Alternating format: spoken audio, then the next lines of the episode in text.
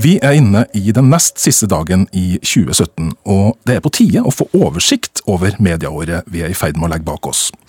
Jeg heter Lars-Erik Ertsgaard Ringen og har invitert med meg tre gjester som skal hjelpe meg med å få oversikt over det som har skjedd på mediefronten de siste tolv månedene. Harald Stanghelle fra Aftenposten, Gard L. Michaelsen fra Medier24 og Martin Huseby Jensen fra Journalisten. Velkommen. Tusen takk. Harald Stanghelle, som politisk kommentator i Aftenposten, så følger du vel godt med på det som skjer. Hva syns du om medieåret 2017? Det har vært veldig variert eh, og på mange måter spennende medieår. Det har vært dype daler, og det har vært høye topper. Stikkord som eh, metoo, som fake news, som debatten om mediemangfold, og ikke minst den lovende fremveksten av eh, digitale abonnenter. Det har på en måte vært stikkord som har prega medieåret 2017. Gard Michaelsen, hva har du festa deg med? Eh, hvis vi skal se det store bildet, så er det litt, litt samme som snakk om at det har vært et oppløftende år med tanke på brukerbetaling og finansiering av journalistikken. Eh, vi har eh, med noen unntak ikke sett de store kuttrundene i år, eh, som har vært et positivt år for, for mediehusene og journalistikken og dermed også det, men også vært et polariserende år på mange måter. Med mye, mye motstand fra både ytre venstre og høyre i kjølvannet av Trump og fake news osv. Martin Husby Jensen, du er redaktør i Journalisten, eh, som er journalistene sitt eget tidsskrift. Eh, hvordan har det sett ut fra deres redaksjon? Altså, vi ser jo altså det Gard var inne på her, altså forsøket på å diskreditere journalister og hele tiden anklage journalistikken for å være falske. Det er, eh, har jo vært et problem vi må møte enda mer i fremtiden. Samtidig så ser vi også at redaksjonene har gjort mange gode dypdykk. Vi ser mye god, gravende, undersøkende journalistikk som er eh, lovende. Og Så blir det spennende å se om 2017-økonomien går videre. Altså Skuldrene har ikke vært så hevet i år, i hvert fall ikke annet halvår. Og vi håper at det også går videre og påvirker journalistikken på en god måte.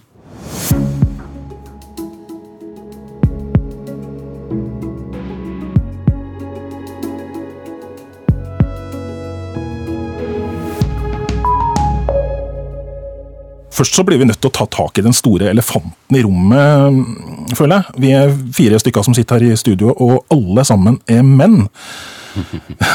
I mars så laga vi et kurerprogram om likestillingssituasjonen i media, og da sa professor eh, Kristin Skare Aarcharé på Høgskolen i Oslo og Akershus det her om situasjonen.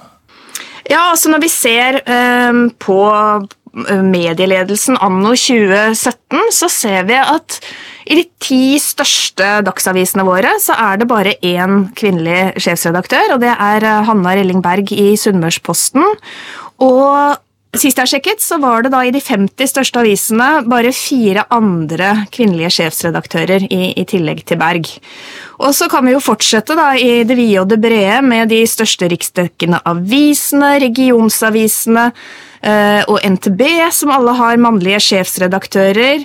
Mm, de store kringkasterne våre her i NRK, TV 2, P4 har alle mannlige toppledere, og, og mediehusene Skipsted, Polaris, eh, Mentor Medier, A-media eh, Alle samtlige konsernsjefer er menn. Og det, det, er jo et litt deprimerende bilde da, når vi faktisk eh, snakker 2017. Og rett skal være rett etter at dette programmet ble laga, så har Kirsti Husby fått jobben som sjefsredaktør i Adressa i Trondheim. Men eh, det er vel bare en dråpe i havet, egentlig? Altså, Bildet er veldig deprimerende, særlig når vi vet at uh, omtrent 44% av alle som er medlem i Norsk Journalistlag er kvinner. Så har vi et problem. Vi har et forklaringsproblem, og det er særlig spesielt når vi så da ansettelsen av Telenor-sjefen. Så sto mediene på barrikadene og skrek etter 'hvorfor ble det ikke en kvinne', uten å se inn i sin egen bakgård. Jeg er selv redaktør i en 100 år gammel publikasjon som ennå ikke har hatt en kvinnelig leder. Det var én av søkerne som var kvinner, og det er trist at vi ikke klarer å komme lenger. Det som er mer positivt, det er hvis du ser på redaktørkollegiene i de store avisene, eh, der mange av oss kommer fra aviser der det er omtrent 50-50 som representerer den øverste ledelsen i avisene. Men så ser vi jo da at eh, den nyetablerte Skipsteds mediedivisjon greier i 2017 å sette sammen ei enormt svær ledergruppe på 13 personer. To av de er kvinner. Det er jo rett og slett skandaløst, og Skipsted har jo i veldig liten grad greid å svart ordentlig på den kritikken mot det. Det ser ut som at de kvinnelige lederne havner i mellomsjiktet, Gard? Ja, altså den, den, den gruppa som ble nevnt i stad, tror jeg nok var noe av det flaueste øyeblikket i Medie-Norge i 2017. Altså Mediebransjen sov litt da den gruppa kom. Eh, da hadde vært opptatt med å skrive om hvem som kom dit, og hvem som ikke var med, og hvem som ikke fikk plass. Men da man egentlig måned senere begynte å stille spørsmål i gruppa, så skulle vi prøve å få svar fra, som du påpekte, fra, fra konsernsjefene og, og, fra de som leda gruppa. De hadde ingen gode svar. Det eneste som har kommet, var svada om at man skulle jobbe med tiltak, og man skulle hjelpe dyktige kvinner fram, og sånn måtte det bli. Og det ble sånn denne gangen også. Uh, og, og, og paradoks oppi det at det fins jo ikke noe godt svar på hvorfor det ble sånn. Det fins ingen unnskyldning. Det var for dårlig. Men nå ligger jo kvinneandelen på journalistutdanninga oppe i 70-80% Tror du det vil gå av seg sjøl etter hvert? det her? Uh, egne studier viser at eh, mange kvinner havner i feature- og kulturredaksjoner. og Det er jo ikke der lederne rekrutteres, dessverre. De kommer fra nyhetsløpet. og Hvis kvinnene ikke går inn i det nyhetsløpet og jobber aktivt i det nyhetsløpet, så er det sjansene forsvinnende små for å bli toppsjefer. Kan, jeg kan, tror jeg kan nevne på én finger en, eh, en som har kommet fra feature-løpet, som har vært høyt oppe i en av de store redaksjonene. Og Stanghelle er jo også da leder for Norsk redaktørforening, hvor én av tre medlemmer er kvinne mens én av fire er sjefredaktør, sier de. Det er noe misvisende, for da tar de med alle distriktskontorsjefene, som jo i utgangspunktet ikke er ansvarlig redaktør, siden den stopper hos K-sjefen. Så jeg skulle likt å sett det tallet, men det er veldig, veldig lavt. Det som har vært litt oppløftende når en ser det for Norsk redaktørforening, det er jo å se den utviklinga som har vært i et tiårsperspektiv. Og det var jo eh, Arne Jensen, den nåværende generalsekretæren, sammen med eh, en Arnstad, som satte i gang et eh, program under, under slagordet 'Slik drar du bra damer'. Og det hadde faktisk betydning til at det ble løfta fram ledere, kvinnelige ledere. Og så er det et langt stykke vei å gå, og det er jo helt riktig når eh, du peker her på eh, topplederne, men noe har skjedd. Det skal en også få med seg. Mm. Det, det, er også en uh, generell oppmerksomhet altså Når man ser på lederstudier knytta til kvinne, kvinnelige ledere Kvinner er mer forsiktige med å kvalifisere seg selv. Selv om de er kvalifisert til jobben, så uh, si, melder de seg ikke, mens uh, gutta har en lei tendens til å regge opp begge, begge hendene, selv om de ikke er kvalifisert. Og Så kan vi snakke om den tiårsutviklingen, Stanghelle. fordi at for noen år siden, ikke, vi skal ikke så langt tilbake, så var det kvinnelig sjefredaktør i Aftenposten. Den gangen så hadde Aftenposten også Aften Aften som kom ut hver dag, som hadde en kvinnelig på topp. Du hadde kvinnelig sjefredaktør i Bergens Tidende, og du hadde kvinnelig sjefredaktør i, i, i, i Dagbladet. Eh, det var fire betydelige publikasjoner den gangen. I dag, som, som ble påpekt innledningsvis, eh, Hanna Rellingberg leder den største avisen rett foran eh, Drammens Tidende og Budstikka. Det er de tre store som har kvinner. Vårt Land. Ja, Vårt Land, ja, beklager. Men før vi avslutter dette temaet, eh, veldig kort alle sammen. Hvem er det som har ansvaret for å gjøre noe med det her? Medieeierne. Det er jo de som leder de forskjellige mediene. VG har tatt ansvar. Ja, det er eh, medieeierne, men det er jo også eh, sjefredaktørene som eh, skal og bør ha et blikk for å eh, løfte fram kvinnelige leiertalenter, og mange av de gjør det også.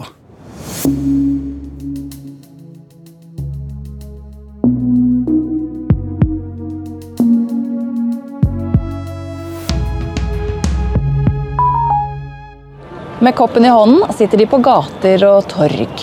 Er dette bare tigging, eller er det noe helt annet? Hjelpeorganisasjoner og politiet forteller om et helt lukket miljø der ingen vil snakke. Så Brennpunkt har brukt skjult kamera. I nesten to år har vi jobbet med å kartlegge tiggermiljøet i Bergen. Bli med til Lykkelandet. Ja, I april så sendte NRK Brennpunkt det som skulle bli den mest sette dokumentaren deres noensinne.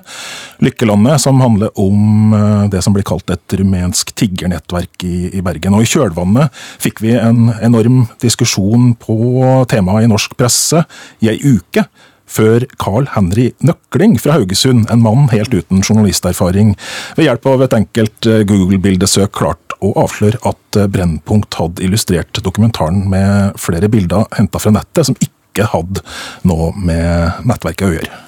Jeg må jo si at jeg, er veldig skuffa over media generelt, for jeg trodde jo i mitt, eh, i mitt naive sinn at eh, media etterprøvde uh, hverandre når det var noe som skurra. Og når jeg da hadde påvist at det var noe som skurra, at ingen fremdeles Altså, for det som skjedde, det var dagen etter, så tok jeg et nytt søk, og da finner jeg to nye bilder som media eller journalister ikke klarte sjøl å finne.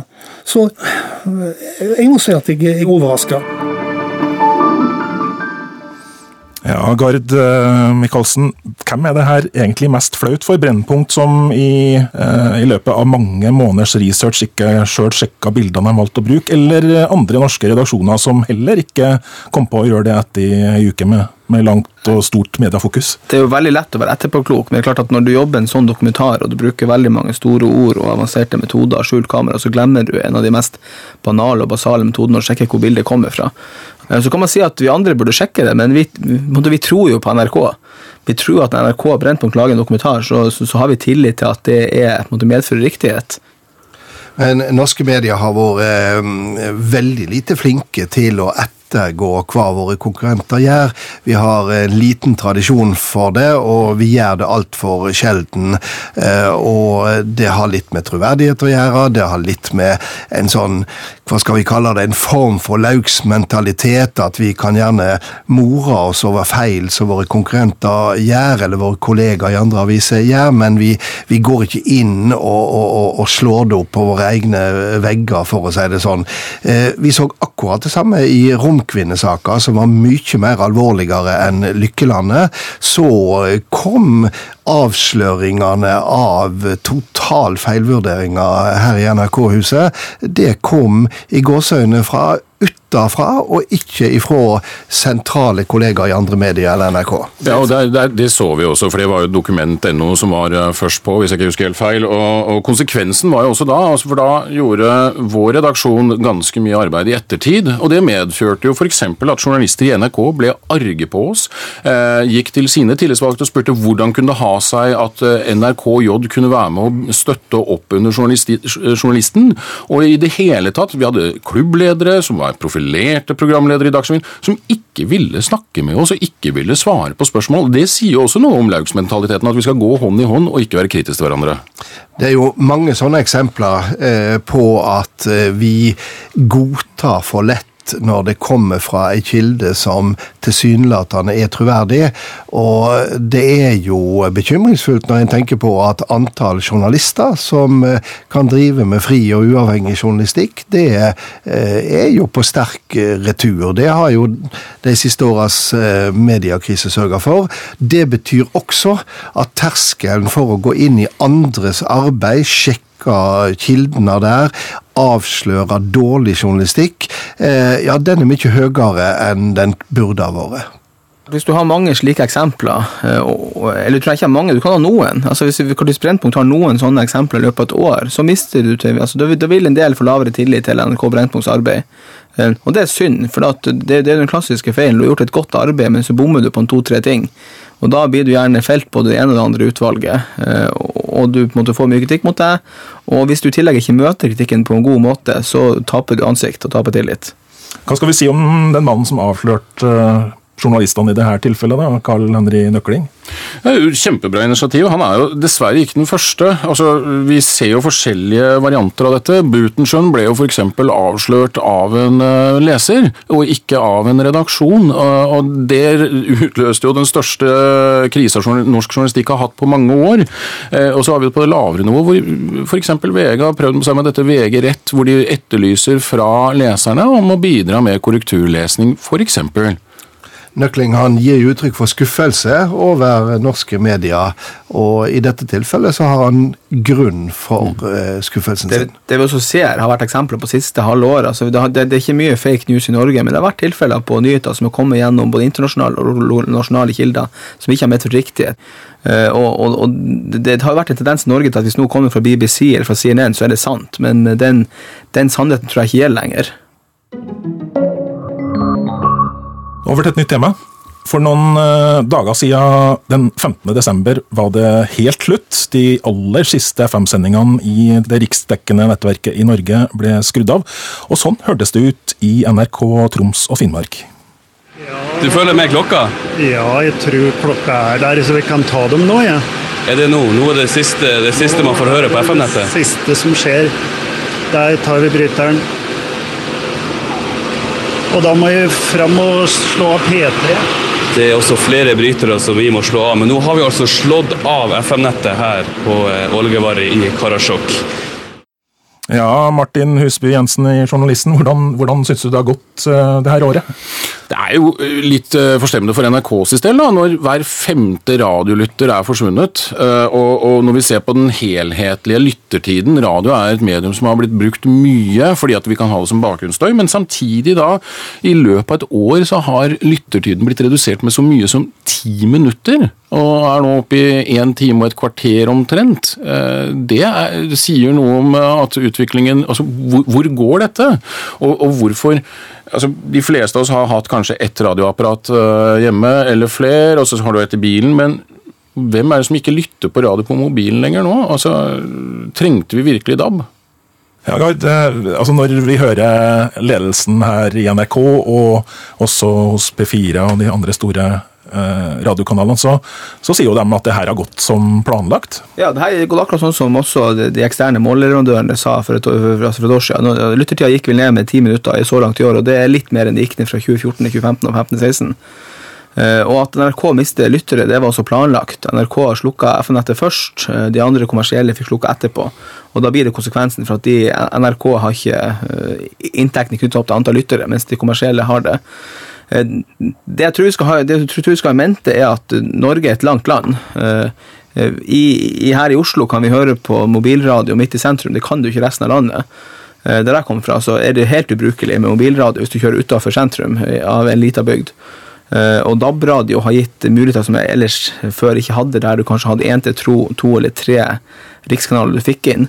Det DAB egentlig er, er jo en slags proteksjonisme. altså Vi har fått muligheten til å beholde medieinnhold, norsk medieinnhold på en kanal som ikke kan bli disrupta av internasjonale aktører som Google og Facebook og Spotify og Netflix. Og hvordan det i dag ser ut om ti år med mobil, mobilradio eller nettradio eller hva det skal være, for det vet vi ikke, men at det her kommer til å være en viktig bilde i framtida på måten vi lytter på radio, tror jeg er ganske sikkert. Jeg deler mye av de synspunktene til Gard Michaelsen, og jeg syns jo også at NRK, hvis det er lov til å si det, har vært ganske flinke til å gjøre dette til en form for begivenhet, og prøvd å få folk med seg. Jeg er litt usikker på hvor stor klagestormen egentlig er, hvis en leser ulike form for leserbrevspalte i nettaviser rundt omkring i landet med jevne mellomrom, ja, så er det ikke noen sånn klagestorm, så vidt jeg er i stand til å se det, i hvert fall. Og så har vi jo da gått ifra fem riksdekkende radiokanaler til 30. Det kalles en demokratisering, er det det? I hvert fall invitasjon til forvirring. og Sånn sett så kan du jo si at det er et symptom på det som en ser mer og mer av, nemlig et fragmentert mediebilde, der du ikke har disse leirbålfunksjonene som, som, som jeg vokste opp med, og som mange har vokst opp med, og som har betydd mye for oss som samfunn. Vi skal ikke undervurdere akkurat det.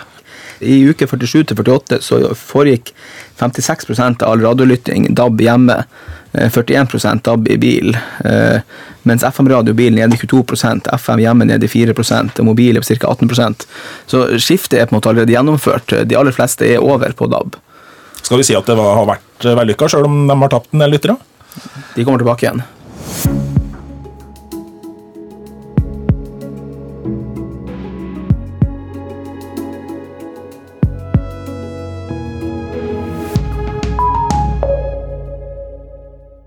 Mediene i Norge og ellers i verden har de ti siste årene vært prega av krise.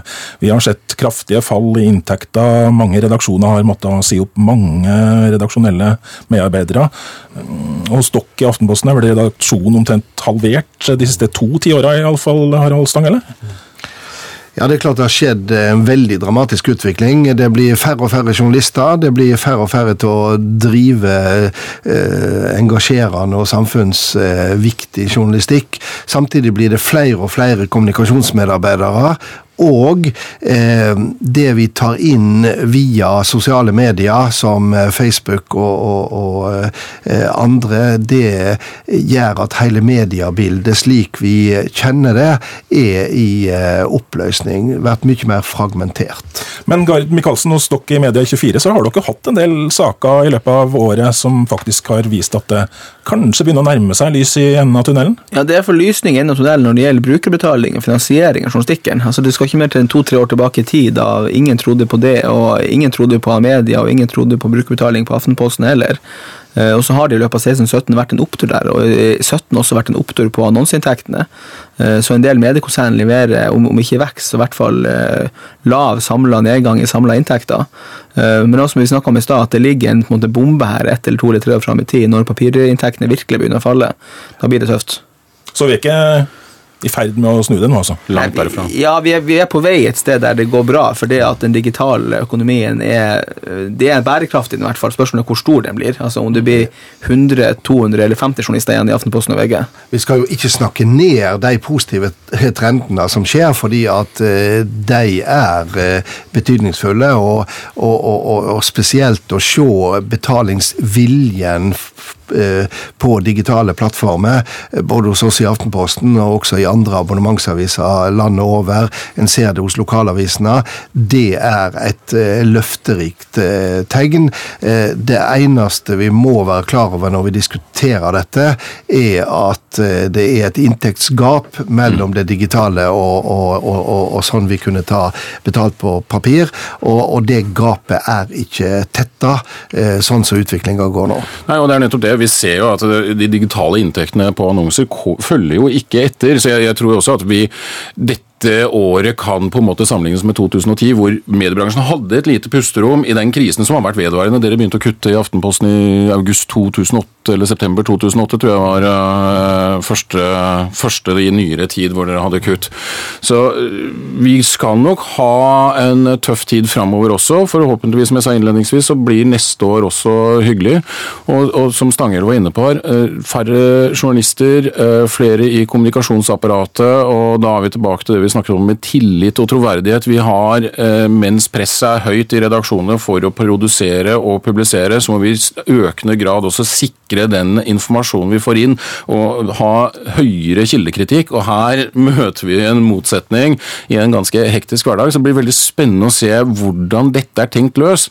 I løpet av de siste årene så har vi hørt om redaktører som sier ja, vi må avgrense hva vi dekker. Ok, da får vi noen uh, hull i landskapet som ikke vil bli dekket. Og ja, Kommer NRK til å ta den utfordringen? Vi har mange hull i landskapet som ikke blir dekka, eh, og den utviklinga har vi sett ei, ei lang stund. Eh, og det burde bekymre adskillig flere eller redaktører og journalister. Er du den mest eh, optimistiske her, Gard? Ja, både òg. Altså, på, på, kort sikt så, så er det gode tendenser. Vi ser også at en del mediehus oppbemanner, eller ikke oppbemanner, men de bemanner i 2017. altså De fyller på stillingen, de rekrutterer ny kompetanse. Ja, de ansetter folk, ja, altså, de ansetter folk der det har stått tomme, men også noen nye stillinger med nye typer stillingsbetegnelser. Eh, det som er faren, er at papirinntektene faller så fort. altså Aftenposten har fortsatt ganske mange millioner i papirinntekter på annonser, også abonnement, og det gjelder også VG. Hvis de begynner å akselerere veldig fort igjen til neste år, så kan det bli tøft igjen.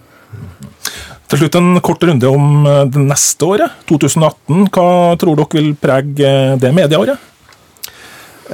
Definitivt eh, diskusjonen om eh, stortingsmeldinga om framtidas mediepolitikk. Det vil stå øverst eh, på den overordna dagsorden. Og så håper jeg inderlig at neste år blir et år der det kommer så mye god og gjerne avslørende journalistikk at vi også diskuterer all den gode journalistikken som vi vitterlig leverer.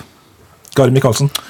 Eh, ja, Hvis vi skal se utover landet, tror jeg det kommer mange flere, altså mange flere endringer av frekvens på papir, papir neste år.